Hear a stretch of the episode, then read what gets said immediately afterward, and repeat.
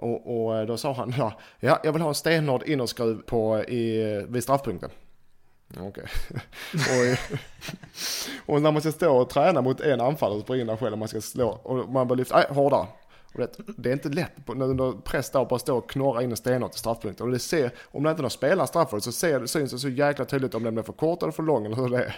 Och du vet, man blir, missar man de två första och så börjar han skaka på huvudet där och börjar skrika på norska så blir man ännu mer stressad. och till slut om man för dålig så bara, nej, bort, så hämtar någon ny.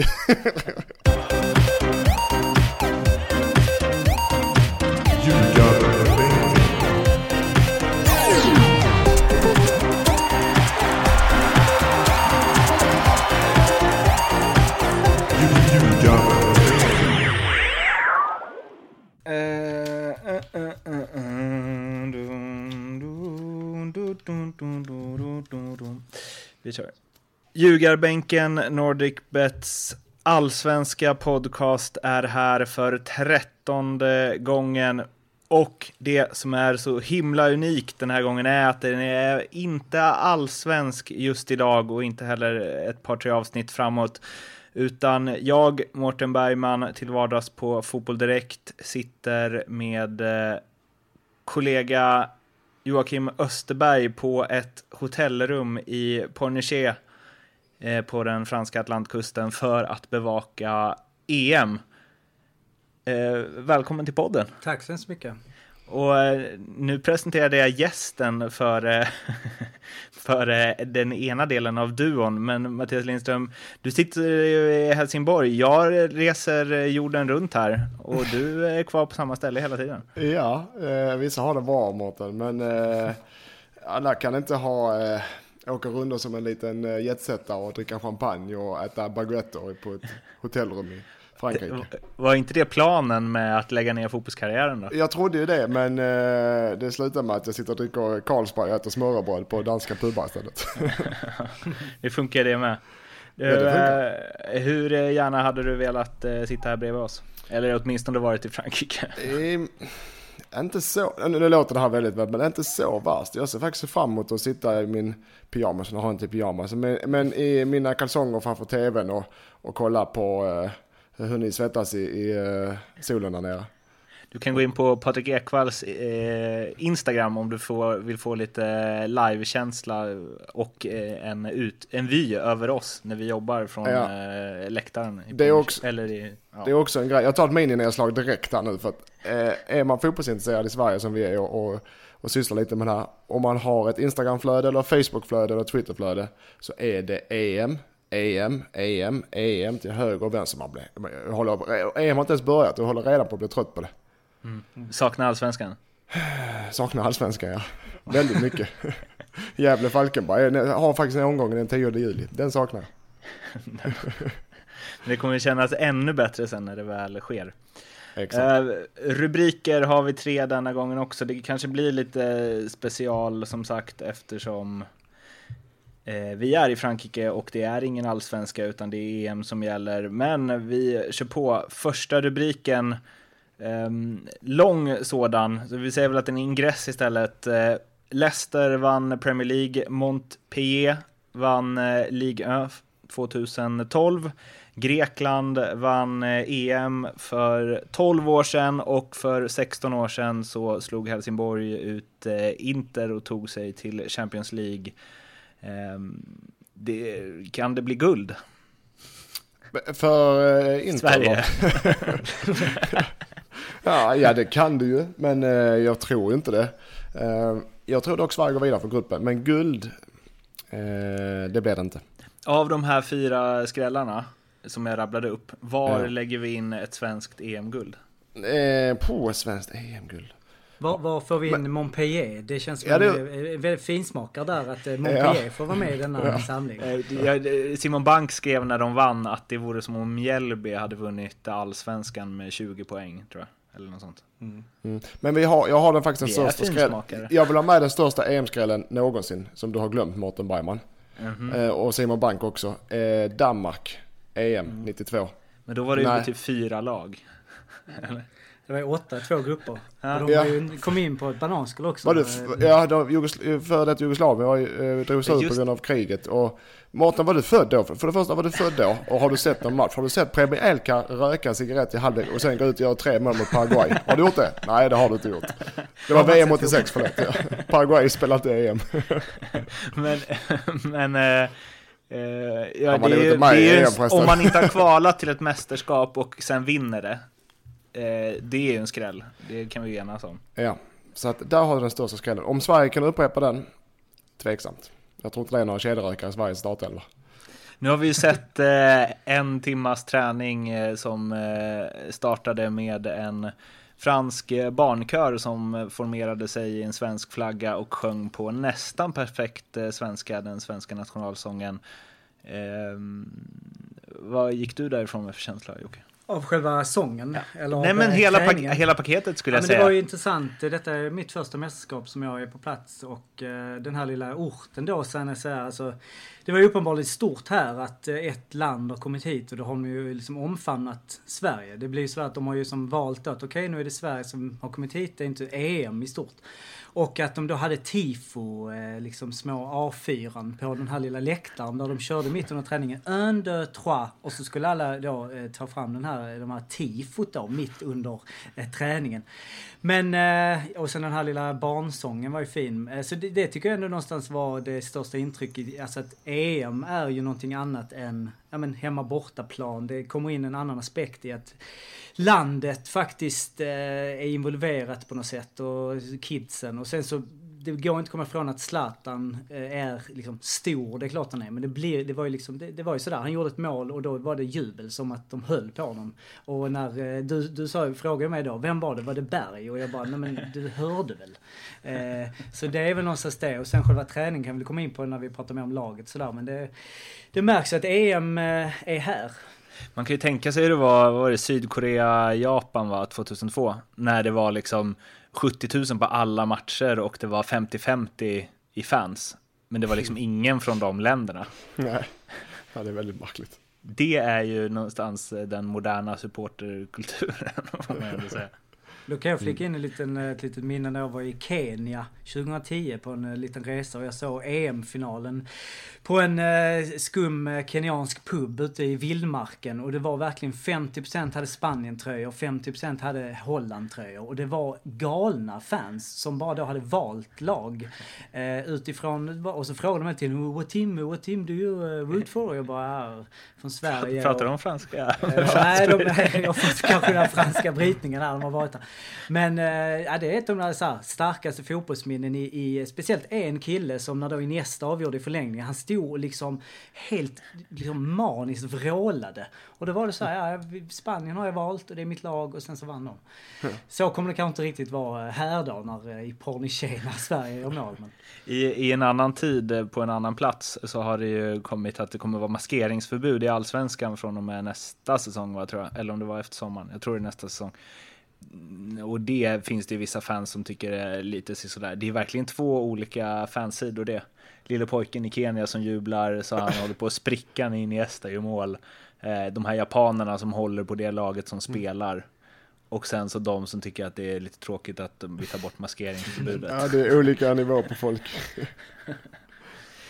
Men tillbaks till Sverige och chanserna. Alltså, vad, det känns lite som, vi har pratat lite om det här på vårt hotellrum, att det känns lite som att det här kritiserade landslaget som har fått så mycket skit och som Hamrén inte kunde låta bli att ge tillbaks mot media efter kvalsuccén mot Danmark. Att det liksom efter Wales så jag, har bara, jag såg inte matchen, jag har bara läst tidningarna. Men det känns som att det har tagit fart och liksom, det finns en tro kring det här laget. Och man typ börjar förvänta sig att det ska bli en fet svensk EM-sommar. Ja. Eh, vad säger du som är i Sverige? Ja, nej, det är framförallt efter sista matchen mot Wales som, som du säger så är det, blåser det positiva vindar för första gången sen, jag vet inte, eh, på eh, tre år känns det som, eh, i landslaget. Och det är ju, du hittar inte bättre timing inför ett mästerskap. Att det helt plötsligt blev eh, någon sorts, eh, okej okay, det här landslaget är inte så tokigt som vi har trott i alla år. Så det, det, det är jäkligt bra timing. Eh, och sen tror jag också att eh, Irland eh, är inte är Sverige bättre än, det är ingen tvekan om det. Eh, belgarna är såklart i en klass för Sverige. Italien är inte bra längre. Eh, så att eh, Sverige kan mycket väl knappa sig vidare i den gruppen. Det är jag helt övertygad om. Så att, Men det är okay. eh, ja, ja, förlåt. Ja.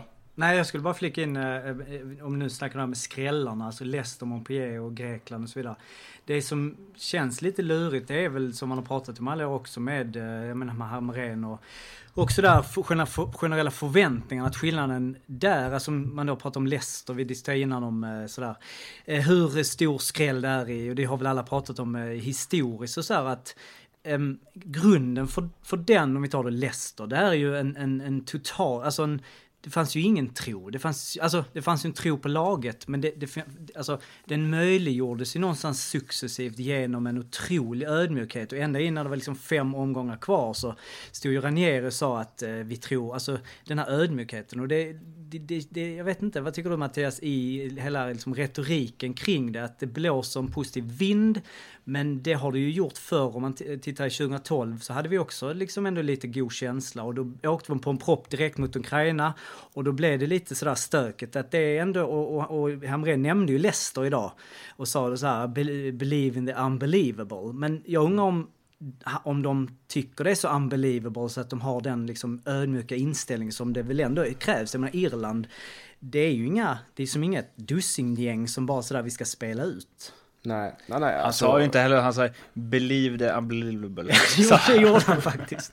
men, äh, alltså, nu är det taskiga. Uh, men, uh, nej, ja, Sverige, uh, Erik är ju så pass klok och Sverige också att de försöker, Sverige måla upp sig lite som underdogs och försöker slå underläge. Och det är klokt. Jag menar att om Sverige ska vinna EM så det har inte, varit, inte i närheten av en lika stor skräll som, skräll som Leicester vinner Premier League. Absolut inte. Eh, men så Sverige gör, gör den här gamla klassikern. Ja, vi, är, eh, vi slår underläge och eh, Italien och Belgien är storfavoriter och vi ska vara glada ungefär för att vi är här. Det, lite det snacket kör de. Fast i gruppen är jag övertygad om att det finns inget annat än att gå till, jag ska tippa kvartsfinal. Eller gå vidare från gruppen och sen ta därifrån. Det finns inget annat som existerar och de vet själva spelarna att de är tillräckligt bra för att göra det. Men sen utåt sett så målar de såklart upp en annan bild. Och ganska tacksamt också för som Italien, eh, som du säger, de är ju inte, det tror jag i och för sig kommer gynna Italien, att ingen tror att de är bra. Eh, för ja. då kommer de säkert vara bra. Men just att, eh, om man tänker tillbaks på liksom Lagerbäck-eran, det var ju ja. dödens grupp varenda mästerskap liksom. Mm. Och det var ju som handen i handsken och det känns som att Hamren, det är ju när Hamren eh, liksom förväntas, när de möter ett motstånd som de förväntas typ föra spelet mot, det är då han går bananas och släpper sina ytterbackar fria liksom.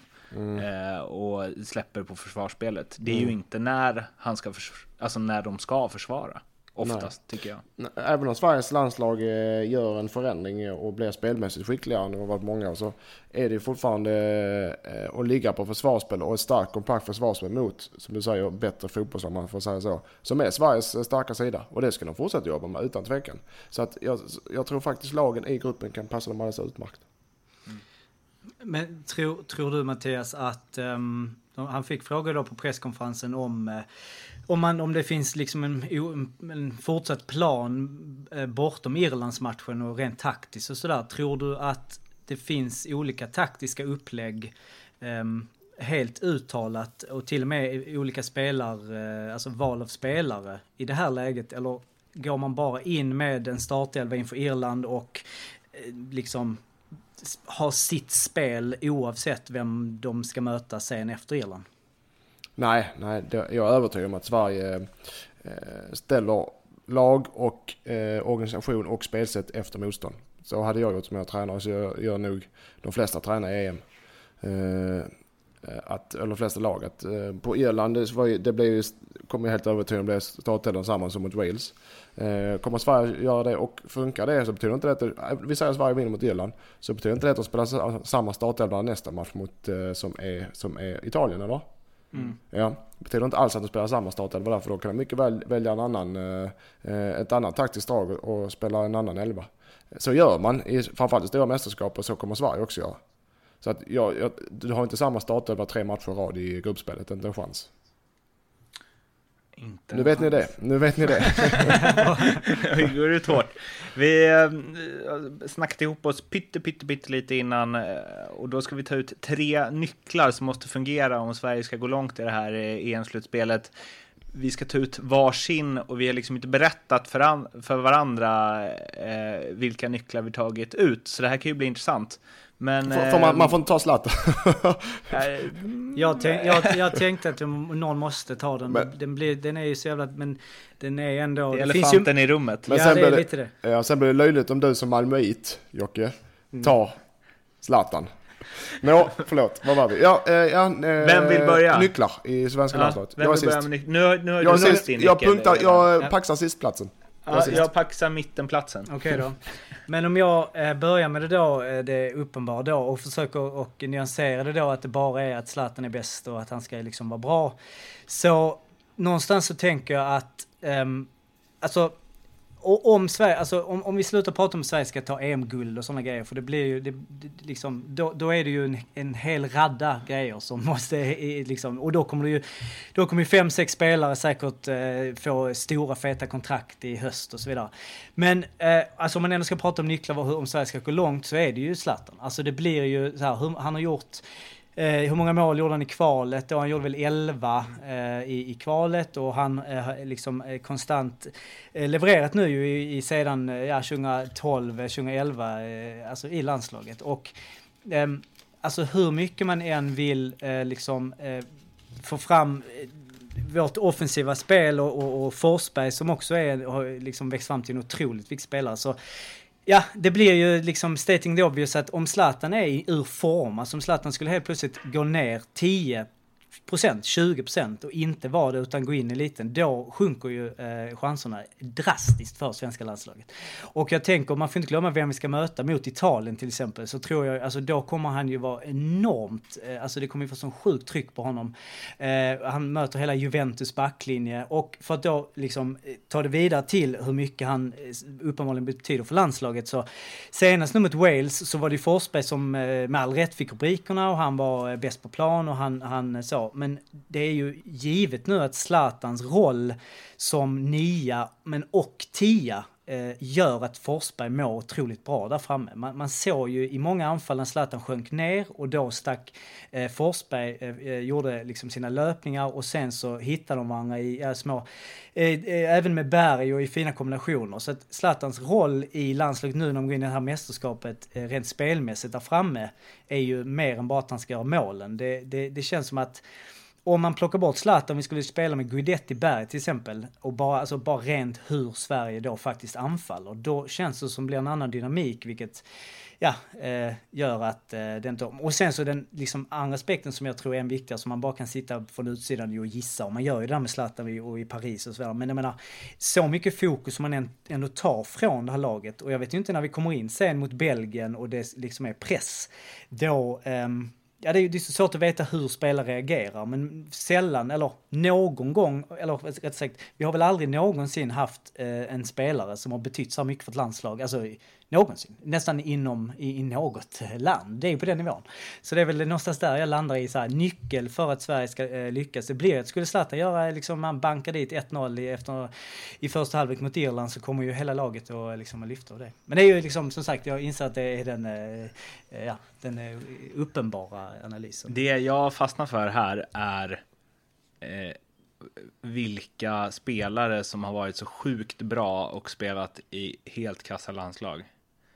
Om det nu... Det, det var, det, var det det du fick ut av hela upplägget här?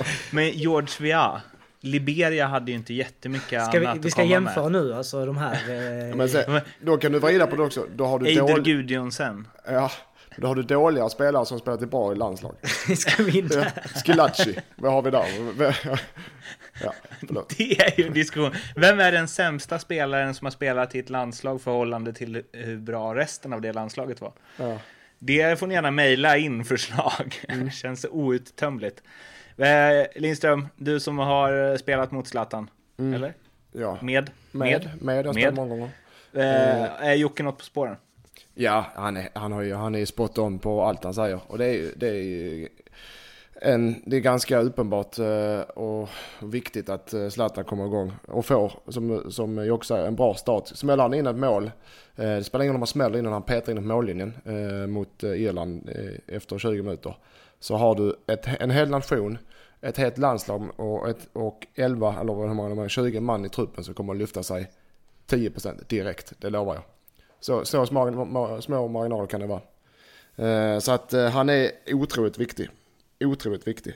Och jag tycker han fungerar bra med Berg eh, där uppe också och Forsberg som springer runda. Jag tycker, jag ser, jag vet inte om, om jag får folk mot mig här, men jag ser ju hellre att Berg spelar än Guidetti spelar faktiskt.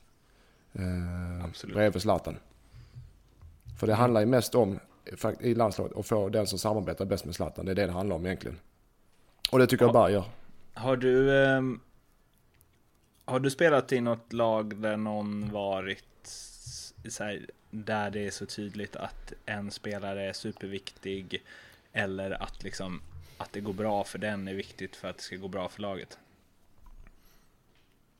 Mm.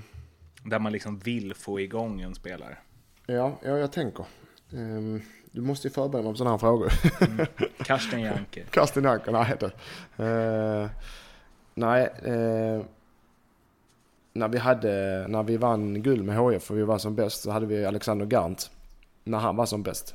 Mm. Och kom, fick man igång honom så kunde han smälla in tre mål. Han smällde alltså in tre mål på en match på den eh, tiden han var allsvenskan där. Och, och vaknade han på rätt sida, det var det det mesta handlade om. Vaknade han på rätt sida så var, är den bästa spelaren någonsin spelat med.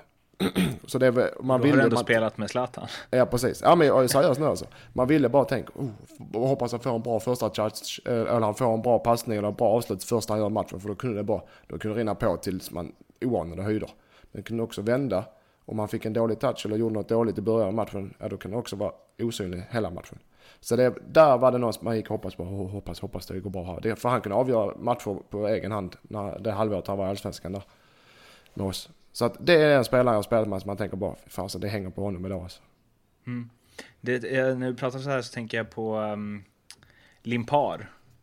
Ja, ja. Liksom, skrönan om honom är ju att eh, satte han första tunneln så var han bäst på plan och missade han den så eh, var han borta ur matchen mm. totalt.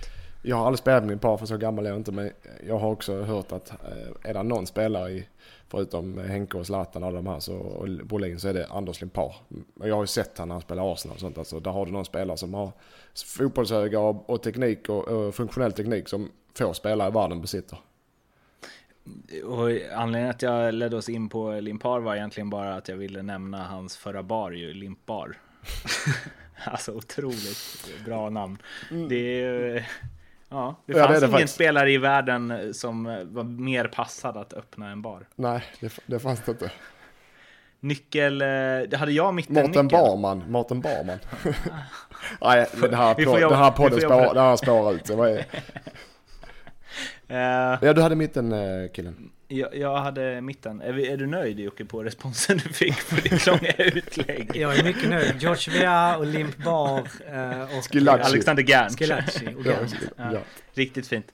Eh, om ni tycker att eh, ljudet är lite si och så här på den sidan där jag och Jocke sitter så beror det på att jag glömde införskaffa en sån här förgrenare, heter det väl, till sladden. Det vill säga att vi måste sitta ganska nära varandra och så vill vi inte riktigt sitta så nära varandra och då blir det liksom Ljudet blir dåligt men... Eh, det är det värt. Men vi, bro, bro, bro-romansen bro är intakt. Det är viktigast. Bro-mansen heter det va? Bro-mansen. Bro ja men sluta reta mig. Jag sitter här själv och ni sitter nere i Frankrike. Låt mig bara nu. Kör nu då. Den här grejen är väl också väldigt eh, obvious. Och vi har varit inne lite på det förut. Um, I den här podden. Men Andreas Isaksson hur mycket skit han har fått i förhållande till hur bra han faktiskt har varit. Att eh, ja, liksom det ska vara så här, skulle Per Hansson fått chansen eller ja, det finns väl andra målvakter som har Kristoffer Nordfeldt var det ju snack om ett tag och så vidare. Men att Isak har varit liksom mm, Ja men efter, eh, tänk efter Mellberg slutade Mm. Uh, ja, det är Mellberg, Isak och Zlatan liksom under den senaste tiden som har varit de viktigaste landslagsspelarna. Och när det blev lite oroligt nu huruvida han skadade sig eller så vidare så tänkte man ju att det var ju liksom den sista som fick gå sönder efter Zlatan. Mm. Och att han gör ett bra sista mästerskap innan han slutar efter sommaren är ju superviktigt, framför allt som eh, att backlinjen har ju varit liksom, det har ju switchat väldigt mycket på den mittbacksplatsen och det känns inte som att det finns någon riktig trygghet. Jag vet att du gillar eh, Granen eh, Lindström, men eh, liksom jag har aldrig sett honom som en ledare i landslagets backlinje. Men han har sakta, sakta, sakta börjat växa in i det nu. Eh, men jag tror liksom att Isaks trygghet bakom där är liksom så pass mycket viktigare än vem som spelar bredvid Granqvist i mittförsvaret. Um, och jag tror han måste leverera på, eller han måste ju göra ett liksom, han måste göra ett lika bra mästerskap som Zlatan om Sverige ska gå långt. Mm. Det är fegt att ta målvakten, men jag tycker bara att Nej. Isak har fått så mycket skit genom åren som är helt uh, oförtjänt. Mm. Ja, men jag tycker det var fegt. Nej, det är, du är helt rätt på det. Jag hade faktiskt Isak som, nu fan jag ångrar att jag ska vara sist. Jag hade ju honom, nu får jag ta någon annan. uh, och det är helt rätt eh, det du säger, att en målvakt i ett mästerskap är eh, A och O. Det är, det är det man eh, står och faller med, laget. Så att, eh, och han har fått mycket skit och han är mycket bättre än den, den credden han fått. Så att, bra, bra val. Alltså det är en av få spelare, för det är ingen utespelare som kanske har den Eh, alltså som blir så kritiserad generellt för en detalj i spelet, det vill säga på fötterna. Eh, alltså hade Isaksson bara varit lite bättre på fötterna, eller överhuvudtaget inte ja men många där ute som man, man och, och så kanske var trött på honom alla åren. Men alltså det är ju helt otroligt så många, om man skulle gå igenom kval efter kval, även med Lagerbäck där vi gick, gick till eh, mästerskapet, så var det när man pratar om då Lagerbäcks eh, bygge och det starka försvaret så glömmer man ju alltid bort målvakten. Det är nästan aldrig att man faktiskt eh, väger in Isaksson i den, både alltså, eh, viktiga räddningar i avgörande lägen men även eh, naturligtvis i hela, eh, upp, i, liksom, i, i försvaret. Och 2006 som ju var det märkliga mästerskapet där vi inte gjort några mål mot Trinidad Tobago som sen gick vidare till den eh, magiska matchen i Berlin där vi slog Paraguay som jag fick äran att vara på, vilket var en eh, otrolig upplevelse. Och sen så då um, var det England där ja, som vi sa. Alltså, och sen mötte vi Tys Tyskland. Mm. Där vi ju, han gjorde en helt sjuk match, Isaksson. Där vi förlorade med 2-0 och det var ju liksom, ingen kommer ihåg den matchen.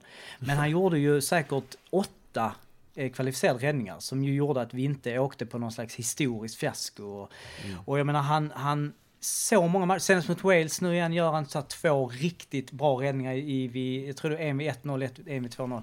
Eh, så att jag menar fegt att ta ut honom skulle jag säga helt tvärtom. Jag skulle säga att eh, det är tvärtom. Att eh, han, han förtjänar mer betydelse i ett sånt här läge inför EM. Mm. Jag håller med. Lovord från kungen, kan man säga så? Säger man så? Ja, det, det är så man kan säga. ja, vill du ha ett tips på vad du ska ta upp eller? Nej, det vill jag inte. Varför skulle jag vilja det? För att jag snodde din så tänkte jag att jag kunde vara liksom... Ja, ge mig ett tips. Jag kommer inte ta det i vilket fall som helst. Okay, jag tänker eftersom du Nej, vänta, haft... vänta. Du får inte... Nej, du kommer inte säga det när jag, jag... Han börjar på K och slutar på M. Nej. Nej, ja, då kan du ge mig ett tips. Både, både Kristoffer Nyman. Både, både förnamn och efternamn. Men... Eh, nej, jag tänkte oh, på... snabb du är i huvudet efter, alltså. Det. Efter, efter, eftersom du har haft Hamren. Mm. Eh, så... Um, Shining. Ja, vad vill, jag förstår inte, vad vill du komma? Att det är en nyckel. Jag tänkte på det när jag såg en poster på, i mediarummet idag på Viktor eh, Lind, Nilsson, vad heter han? Nilsson Lindelöf. Ja. Eh, alla hans tatueringar på armarna och så, han såg så internationell ut. Och det här mm. att utstråla vin, vinnarattityd. Eh, Gör man det med, med alltså, alltså armtatuering? där, där vill du inte skriva under nej, nej, jag har en hare på armen. Men eh, jag vet inte hur mycket vinnare det symboliserar. Men i varje fall. Eh, Ja, jag förstår vad du menar. Eh, du, du har en attityd och, och du... Men du har ju haft Hamrén, du måste veta hur mycket ligger i den här shiningen liksom. Nej, men det har ingenting med äh, att göra. Jo, jag har eh, haft det och jag har pratat om det hur länge som helst. Har gjort. Men det har va, ingenting med att göra... Var det då du tatuerade haren? Ja, jag ska ha en hare på armen. Men vet du vad? Han kastar en sten så han är lite, så, han är lite sur igen. Och hoppar samtidigt. Nu, låt mig komma på tal punkt. Shining har ingenting med att göra hur du gör utanför planen. Om du har tatueringar, och du har kostymer, du har solglasögon och du går i bara på shorts och flipfloppar. Det är allt som på planen. Och träningar. Det är det det enda det handlar om. Håller du med om det då? Måste Din... man ha Shining? Eh, ja, men ja, det måste man. Men shining, jag, jag vill mer eh, kategorisera det som eh, kämpaglöd eller vinnarglädje eller eh, laganda. Eh, det är väl samma som shining egentligen. Verkligen visa att okej, okay, Erik Hamrén tar ut mig till EM och nu helt plötsligt spelar jag här i debutmatchen mot Irland. Nu ska jag visa att han gjorde rätt val. Nu ska jag visa hela svenska folket. Nu ska jag visa mina föräldrar. Nu ska jag visa mina lagkamrater att jag är bäst här. Det är, det är det som är shining, tycker jag. Och det, det, det är det eh, Erik menar också. Våga visa, ta för dig, tro på dig själv. Du gör inget om du misslyckas, förutom att du kommer bli lunchad av hela svenska folket. Men finns det någon kontrast mellan eh, Shining och, eh, som vi nämnde innan med Leicester och så vidare, en ja, men ödmjukhet och eh, realistisk eh, inställning till eh, sin förmåga? Ej, absolut, absolut. Du ska inte... Det, det, är lätt att slå över, det ser man ju mer och mer nu med, med de unga spelarna som kommer upp. Eh, att eh, okej, okay, jag är störst, bäst och vackrast i världen. Och det, du ska ha det självförtroendet men du måste visa genom hårt arbete och, och stötta dina lagkamrater. Det, det det, fotboll är ett lagspel hur den vrider och vänder på det. Så att eh, det, det, är lätt, visst det håller med, det är lätt att det blir, det får inte bli eh, du ska vara, eh, ha självförtroende, det får inte bli en kaxighet. Du måste fortfarande vara ödmjuk till uppgiften. Så att, det, det, är en hårfin gräns det där.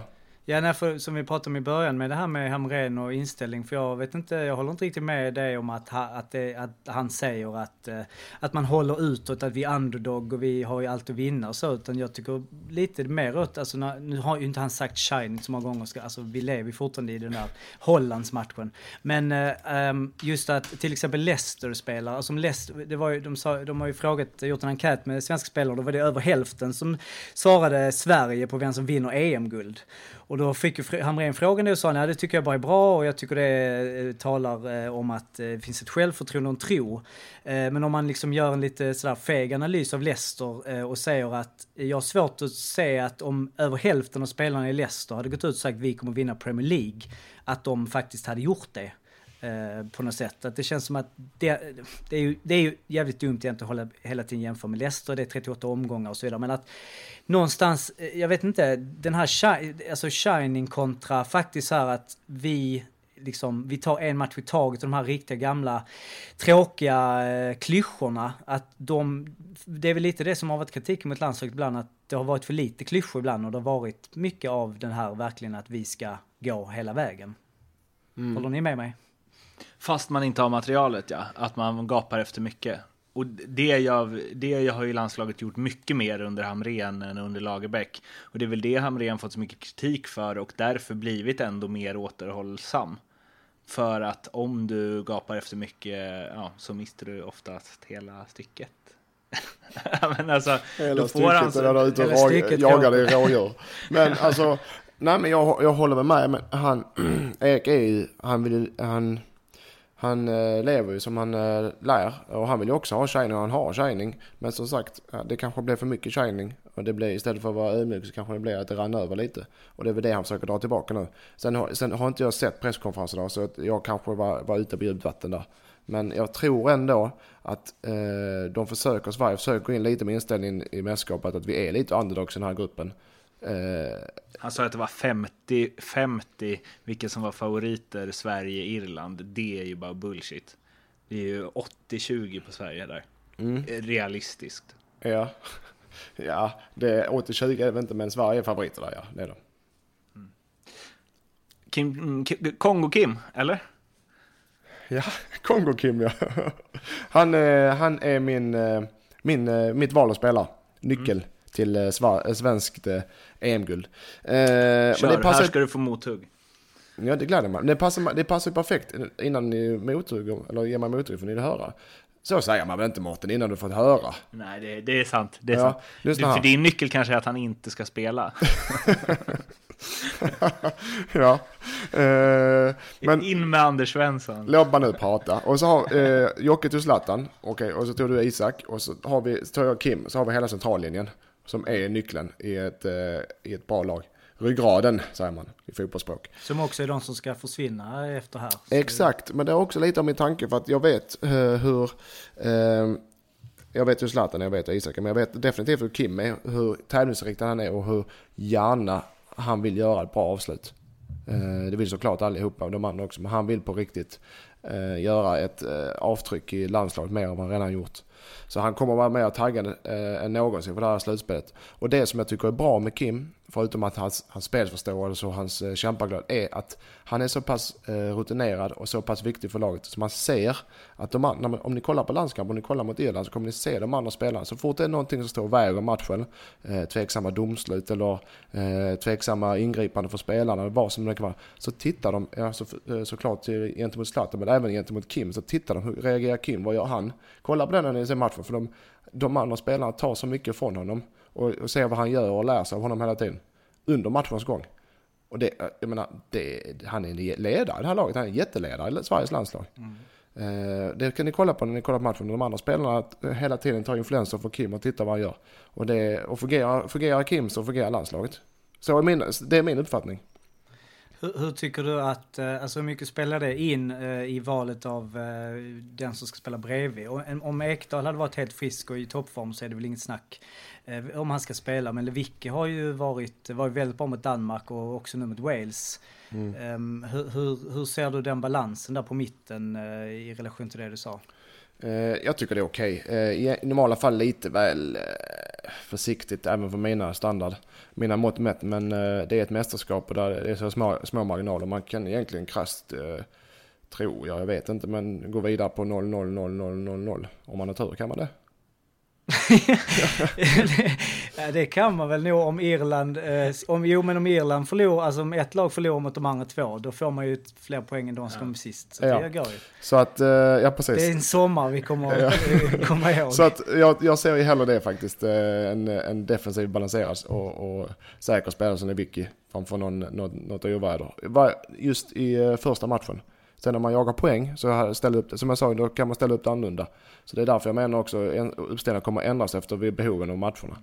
Eh, men jag tycker det, för den här matchen mot Irland, om det blir den här uppställningen Kim och Lewicki, helt rätt. Jag hade gjort exakt likadant. Och när jag gör någonting, om jag hade gjort det så är det klart, då är det facit ju. så det är helt rätt. Vi har haft några sådana diskussioner när jag har försökt så här vara lite nyanserad och du bara stängt dem. Jag bara dödar det, är, det är så här det är. Ja, ja. Eh. Hammarby kommer åka, åka ur allsvenskan. Det är bara så. Nej. Du, eh, det med balanserat eh, in i mitt fält, defensivt balanserat in i mitt fält. Micke Stare och jag hade en diskussion om det där någon gång under en intervju då han sa att ja, han tog ju upp några exempel, jag kommer inte ihåg alla, men han sa liksom sen 2010 fram till 2015, de lagen som har vunnit SM-guld har, mm. jag, jag tror att det var fyra av fem fall, har de haft ett mer defensivt in i mitt fält än offensivt. Ja. Ja, nej men så är det. Jag, och det, jag har sagt innan, jag säger det igen. Om du kollar på alla ligor i hela Europa, eh, toppligorna då. Eh, de lagen som vinner, det finns inga undantag. Jo, det finns något kanske, men det är inte många. Så är det de som släpper in minst mål, inte de som gör flest mål. Möjligtvis Barcelona, nej, inte där heller. Eh, det är alltid de som vinner. Det finns inga andra lag som vinner, utan de som släpper in minst mål, de vinner. Och har du träning där du spelar, vi spelar 5 mot 5 till exempel, på eh, smålagsspel, eller du spelar 11 mot 11 på en träning, vad som helst. Och du har ett lag med offensiva spelare, ett lag med defensiva. Så har det aldrig hänt i fotbollshistoria att det laget med offensiva spelare vinner. Aldrig någonsin. Sätter du en träning, du, sätter du en träning så har du Kennedy, du har eh, Khalili, du har, eh, nu tar jag Hammarby, jag vet inte varför. och du kan, och någon annan, islänning där och någon annan, jag kan inte fler spelare. Och så sätter du ett lag med mig och så sätter du Kristoffer Andersson och så sätter du eh, Marcus Holgersson och så sätter du Adrian Gashi. Och jag lovar, vi hade vunnit med 100-0. Där finns inget lag som 5 mot 5 spel försvarar anfallare där anfallarna vinner.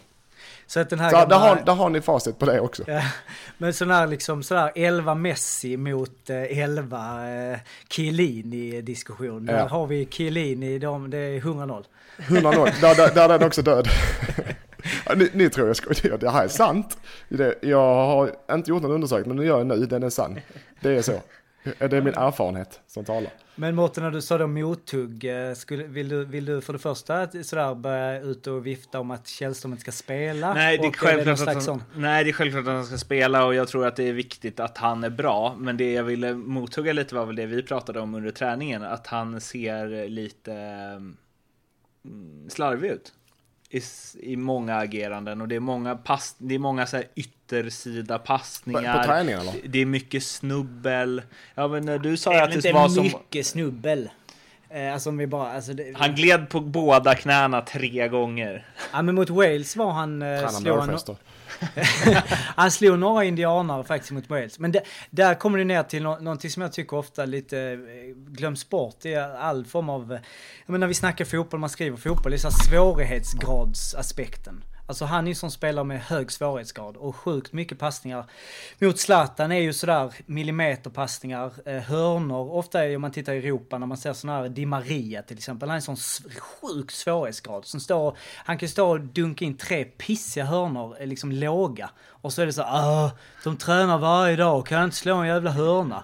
Så jo, men alla kan lobba in den. Alltså nu pratar inte jag som en professionell fotbollsspelare, för att lägga över till dig eh, Lindström där, men det är ju, då är det ingen bra hörna. Det, gäller, alltså, det handlar om, och det är väl lite det att Källström spelar med mycket högre svårighetsgrad. Skulle han hela tiden spela, alltså Lewicki spelar ju med lite lägre svårighetsgrad och gör väl kanske färre misstag på en match. Men han slår ju också färre de här liksom gen, alltså smörpassningarna på mitten som verkligen så glider igen och då får det bli någon slarv här och där. Mm. Men, ja, ja, nej, jag håller med. Jag håller med. Eh, du har ju, du, hade, man hade kunnat eh, som fotbollsspelare i den rollen, defensiv mittfältare, om man säger det, gå runt och passa fem meters pass hela matchen och bara spela bollen bakåt. Och då hade du haft 99% eh, passningsträffsäkerhet under en match. Men det gör inte Kim, utan han, och han försöker slå de här assisten och han försöker slå crossbollarna och då blir det fler, högre felprocent jag själv en sån spelare kan jag tycka ibland, eller var en sån spelare som ibland gör grejer som, okej okay, det var kanske lite över gränsen, men om det hade suttit, då hade det varit mål. Eller assist. Ja men sluta, det här, alltså så är det. Och, och Kim är lite den spelare som jag, han är lite som mig. alltså, ja. Mm. Eh. ja men så jag, jag, jag köper ditt resonemang och du har rätt. Tack kungen. Mm. ja, nu det. nästa gång är det en annan duo i den här podcasten. Ja. uh, Då vill jag bara säga, vem ska spela på högerkanten?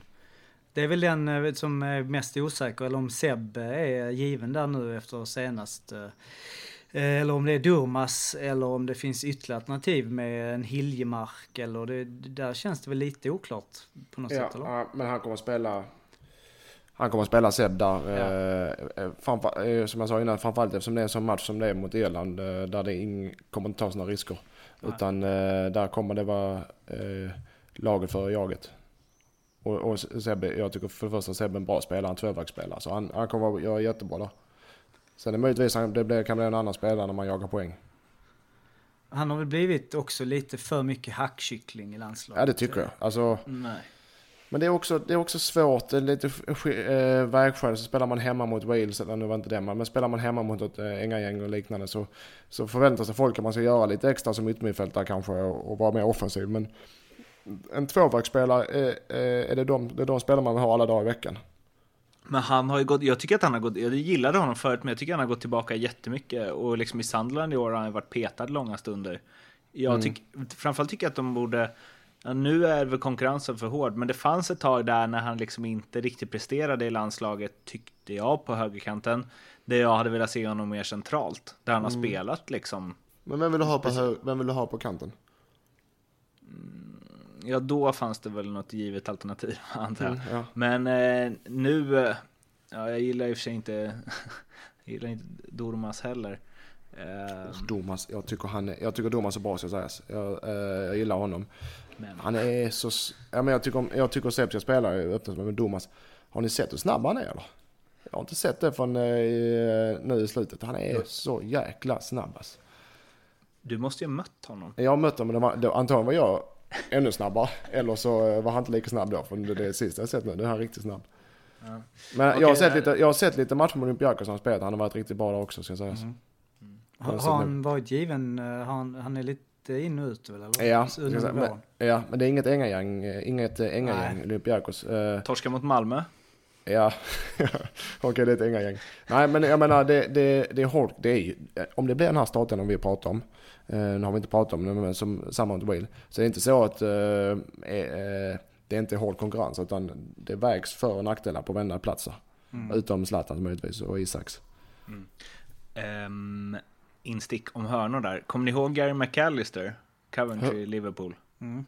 Mm. Han, det så här, att lobba in hörnor. Han gick ju, alltså långsamt gick han fram till bollen Och han hade ingen pendel på foten utan han bara satte dit foten. Och så bara lyftes bollen jättehögt och långsamt bara segnade in. Sådana slog jag också. För då kunde man ändå känna att man hade gjort shit. Ja, och här har vi nog svaret på många. ja, där fick du, där fick du svaret. Att det var så här, nu var det upp till dem att bemästra någon form av så här nickteknik på hög lyra. Ja men det är intressant där med hörnor för, alltså, det, alltså när, en, när en spelare slår en eh, ganska hög hörna så, så det, på, en, på en halv sekund så är det nästan som man känner att ah, målchansen är borta. Ja. Alltså så bra är målvakter nu att om en spelare slår en för hög hörna så, aha, och så kommer målvakten ut och bara dish. Mm. Jämfört med mm. när de drar då en, eh, liksom en vrist rätt in.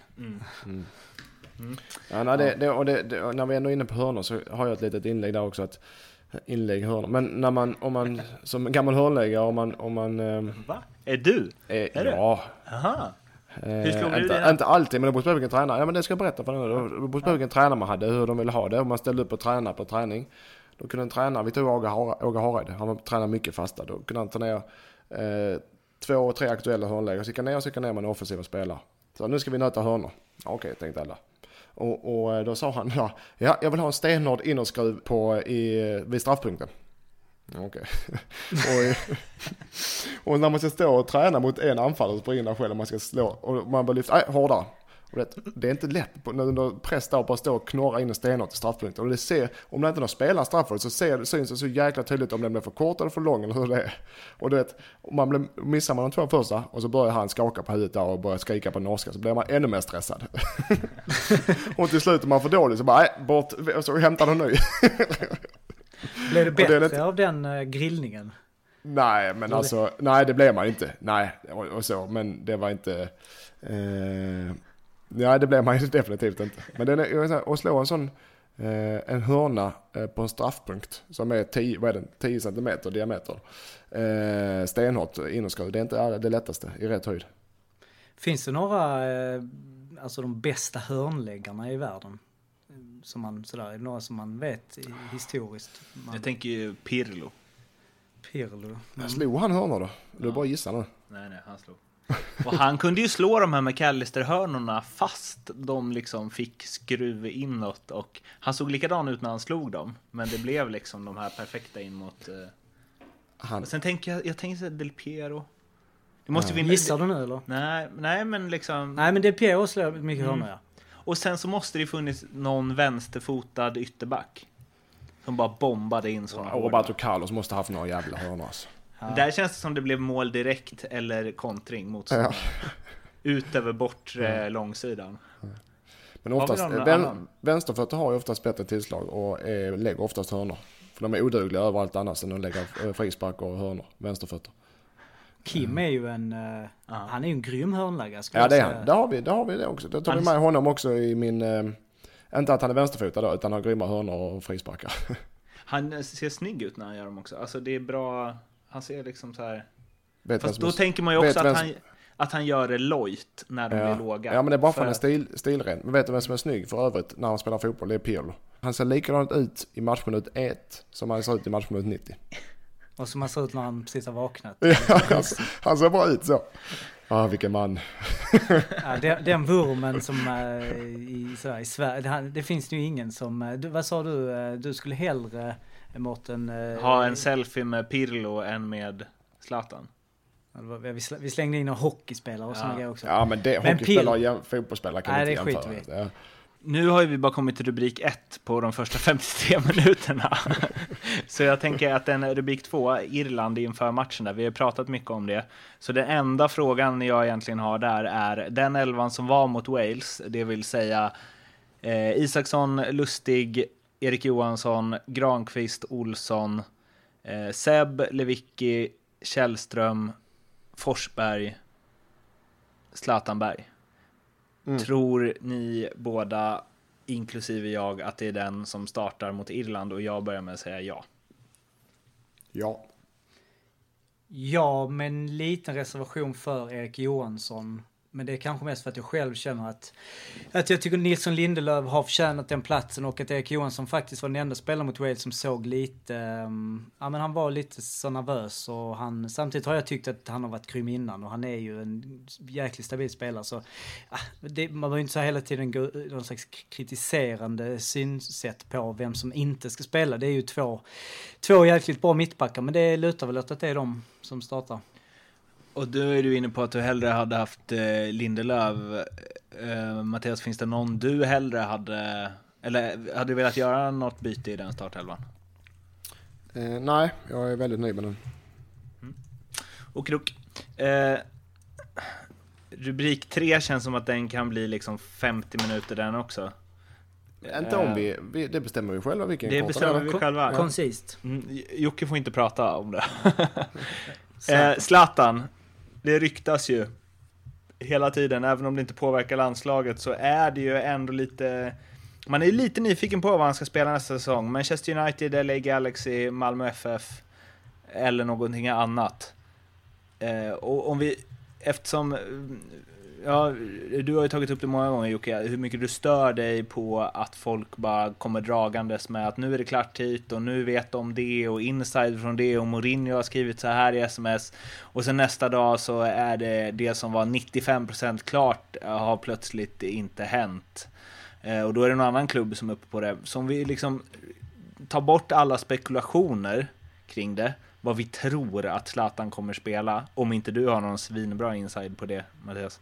Eh, så uh, vad vill vi att han ska hamna någonstans? Var hade det varit häftigast att se Zlatan?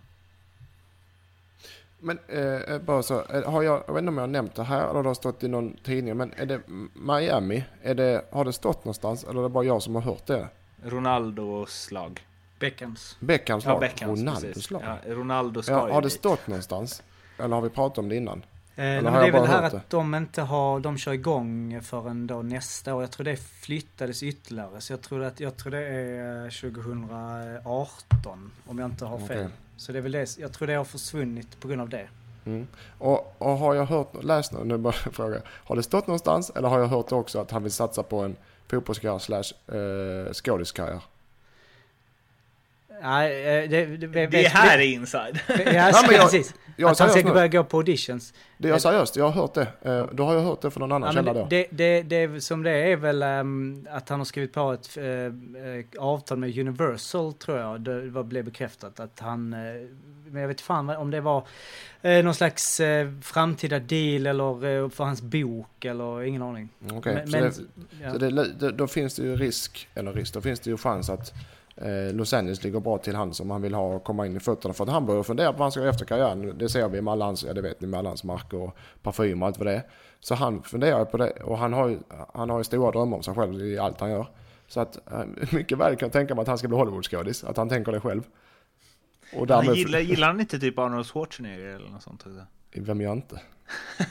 alltså det, det, är en uh, udda tanke och så då Zlatan som någon slags uh, så Dolph Lundgren karaktär. Ja men jag menar, ja, blir... precis, ja precis. Och det finns ju en marknad för det. Jag menar lite, det här Winnie Jones. Så, uh, jag tror han går till LA, LA Galaxy för han ska bli skådis. Ja. Ja, den, den är ju svår. Den är hundraprocentig. Vill du att han ska göra det också? Ja, det är klart jag vill. Det hade varit hur roligt som helst. Så kan, kan han vara sån Bondskurk och så kan jag komma som Bondbrud. Ja, men då, ja, vad, vad Galaxy.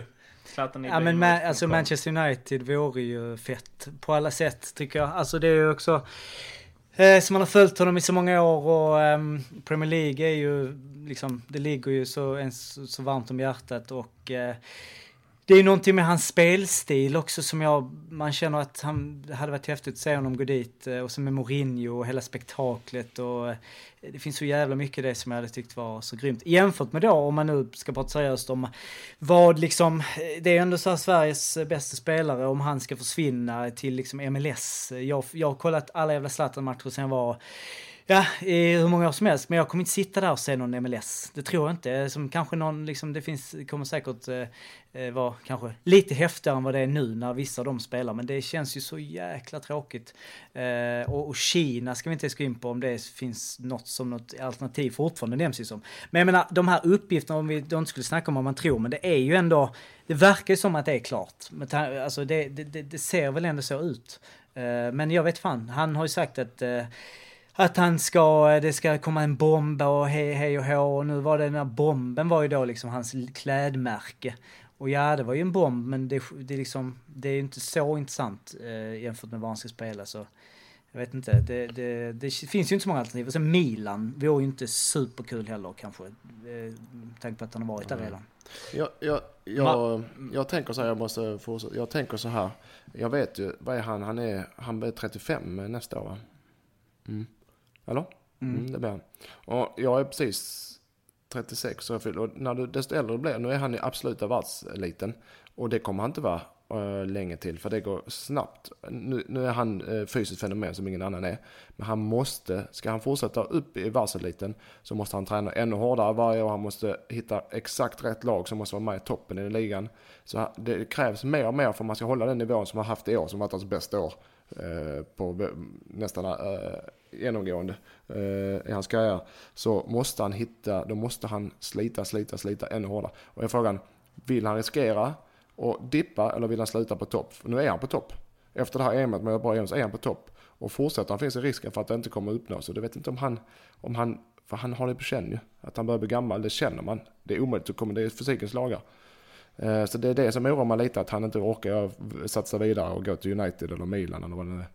Men samtidigt gjorde han ju också 50 mål det här året. Ja, det menar det är hans bästa år någonsin. Men förr eller senare, det kvittar om man är Zlatan eller om man är Messi eller om man är Mattias Lindström. Så kommer det, fysiken kommer i kappen. Det är bara så. Mm. Till och med Zlatan som är, som inte är som andra människor fysiskt. Men det är lite som där, jag tänker att du och Krissa hade bäst resultat på konditionstestet fast ni var, eller, liksom, eller ja, vad var det, BIP-test eller vad det heter? Ja. Av alla i laget fast ni väl var typ de två äldsta och så. Att även jo. om man på det sättet har bra fysik så mm. är det på andra sätt som det tar stopp liksom. Precis, jag menar Krisse eh, hade haft bäst på BIP-testet nu också om han hade sprungit. Men han klarar inte spela en hel match i Allsvenskan för det. Och han skadar sig, det är baksidor hit och det, det är sådana grejer. Um, och snabbheten. Och, men jag menar, alltså Zlatan kan spela länge till, inte jag menar, men han kan inte vara på den toppen han är nu mm, eh, länge till, det kan jag lova. Men sen det här med att sluta på topp, det är ju någonting uh, väldigt överskattat tycker jag. Eller Alltså om man tittar på de som många stora mästare i olika sporter genom åren. Så man, man har bilden av att man kan förstöra sitt rykte eller det på något sätt ska så, men det blir ändå inte så tycker jag. Alltså man tittar på eh, så Michael Jordan eller ehm, eh, ja, Thomas Nej. Brolin. eh, ja, men där, där de har liksom kämpat på. Henke till exempel. Nu var han ju mm. ändå bra eh, liksom. Och det är lite annan typ av karriär med allsvenskan sådär. Men, men det är ju ingen som sådär på något sätt bedömer eh, Henke Larssons karriär utifrån att han in, alltså om han hade slutat på topp. Så jag, det där har jag, har jag aldrig riktigt fattat varför det skulle det är inte så att man säger aha, han var bara en MLS-spelare egentligen eller eh, sådär. Så, och, och, då tänker jag att om man slutar, om Zlatan skulle liksom sluta spela nu, vilken jävla eh, ånger det skulle kunna eh, framkalla ändå. Eller så kanske inte supermycket, men det känns det som en dum grej att om du så riskerar, jag tänker tvärtom också att riskera att inte ta det. Okej, okay, om United eh, står framför sig, vill du komma hit? Kan man, som, om en sån spelare som Zlatan som eh, det här enorma vinnarinstinkten faktiskt titta tillbaka sen och tänka liksom, för jag kunde ju ändå kanske då liksom ta en Premier League-titel och bli historisk. Är inte det en större risk på ett sätt om man skulle liksom, eh, ja, banga det? Jo, jo, eh, och visst, alltså det, jag menar det, är, det, är, det är det som är så svårt med Zlatan och hur han tänker för att eh, tänker han okej, okay, nu jäklar, nu kör jag all in sista året av United eller, eller är han nöjd nu? Och det är, jag vill också ha gå till United. Jag, jag vill också se han i Premier League, men, men jag är tveksam. Och jag vill se honom i Malmö FF. För att det hade varit så himla fint och för att man vill se honom stångas mot liksom, jag kommer inte på något sånt. Någon... Ante Johansson. Ja, det, och det vill man. Och så vill man att Ante Johansson ska bli uttagen i landslaget av Jan Andersson och inte Zlatan. men, men Zlatan har, alltså har han några, ja han har ju band till Malmö vet jag aldrig, men har han något, någon anledning att gå till Malmö? Förutom eh, eh, Malmö stad, eh, folket i stan. Har han några anknytningar till klubben fortfarande? Och, det har han inte va? Han sa väl nu på den här presskonferensen för veckan lite sådär Zlatan med de frågor om Malmö FF. Han sa ju där lite mm. kryptiskt att jag kommer, jag kommer. Och det var väl inte om det handlar om Malmö FF. Nu sa han ju, ja, kan du liksom gå till MFF? Och frågan var bara, ja, ja, ja, jag bara, jag, jag, jag har min egen budget. Daniel, eh, Daniel Andersson, det är liksom, jag, jag är välkommen. Och då mm. tänker man direkt, ah, men du sa ju, fick ju Daniel Andersson frågan sen bara, jo nej det är klart, vill han spela så kan han ju bara komma. Men mm. han kommer inte få så mycket pengar kanske. Men, nej, nej, eh, men alltså det vore ju också det fetaste. Alltså jag menar hur coolt vore det inte om han gick hem till allsvenskan och verkligen bara det spelar ingen roll egentligen där om de liksom så, men det, det, det skulle väl varit det finaste för alla parter tror jag. Mm. Han kan ju komma hem, göra hösten, vinna SM-guld med dem och sen dra till MLS. Mm. Det säger vi. Oh. Vi, vi säger det. Oh. Och, och så skådiskarriär sen, efter. Ja. ja. Nu har vi tre alternativ. Vi, vi, vi, vi eh, sätter, där sätter vi punkt för den här. Vi har MLS slash skådis, eh, United vinner Premier League eh, och Malmö vinner SM-guld. Det är de tre alternativen. Mm. Och någon av dem har rätt så ska vi, måste vi ta upp det och höja det. Mm. Speciellt skådiskarriären. Ja, den, den, den, om, om det är så att jag har rätt på den, Mårten, så måste du på något sätt... Då ska jag tatuera in en hare. en som kastar sten och hoppar. Uh, Lindströms uh, tips, eller? Ja. Nej, vid spaning. Vad kör vi först? Ja men, hur länge, ja, men hur länge ska vi köra? Ska jag ha min spaning eller inte? Nej, vi skjuter på din spaning till nästa ja, gång. För, för den var det, väldigt bra. Den ja, kommer vi också kunna prata om 50 minuter. Ja. ja. jag kommer att prata ett Och Jocke är med nästa gång också. Så ja, men Jocke, då, för du kommer att tycka om den. Du kommer mm. tycka om den. Uh, så vi pratar om den länge nästa gång. Mm. Okej, okay, jag tar mina speltips istället. Ja, kör. Ja, det är en sån, sån cliffhanger. Det tycker lyssnarna om. Mm. På franska, Le Cliffhanger. Eh, nu kör vi. Svar, speltips, jag börjar bli trött nu. Hello! A little surprise for you my friends. god dag, god dag. Lindströms tips. På Nordicbet spelar man de här. Eh, Sverige, Wales, eller eh, Wales, Sverige är det. Eh, Irland Sver kanske? Ja, förlåt, jag börjar bli trött. den, den är jobbig. Irlands... Spela bara. Spela Irlands, bara. Ja, Irland, Sverige. Eh, pengar tillbaka av oavgjort. Sverige, eh, Sverige, vin, Sverige vinns med pengar tillbaka av oavgjort. Sverige draw no bet heter det. Mm. Så om Sverige spelar oavgjort man pengar tillbaka. Annars vinner man. Det ger 1,76. Jag tror inte Sverige förlorar mot Irland. De kan mycket väl kryssa men jag tror de vinner. Okej? Okay? Okej. Okay. Mm. Next. Eh, eh Österrike-Ungern. Eh, Österrike vinner med 100%. Eh, 1,80. Ungern är för dåliga, Österrike är bättre än många tror. Det är klart. Den är klar. 100%. 1,80. Eh, ja. England-Ryssland. England vinner, inte så mycket att snacka där heller 1,95. Eh, ryssarna är dåliga och England har, kan göra bra mästerskap för en skull. Då har du tre spikar och den, den osäkraste av dem är faktiskt Sverige. Österrike vinner 100%, England vinner 100%. Där har vi det. Mm. Och du som ändå är en Ungern-vurmare, eller? Nej, ja, jag bodde nästan, jag bodde i Österrike men jag såg Ungern från mitt fönster.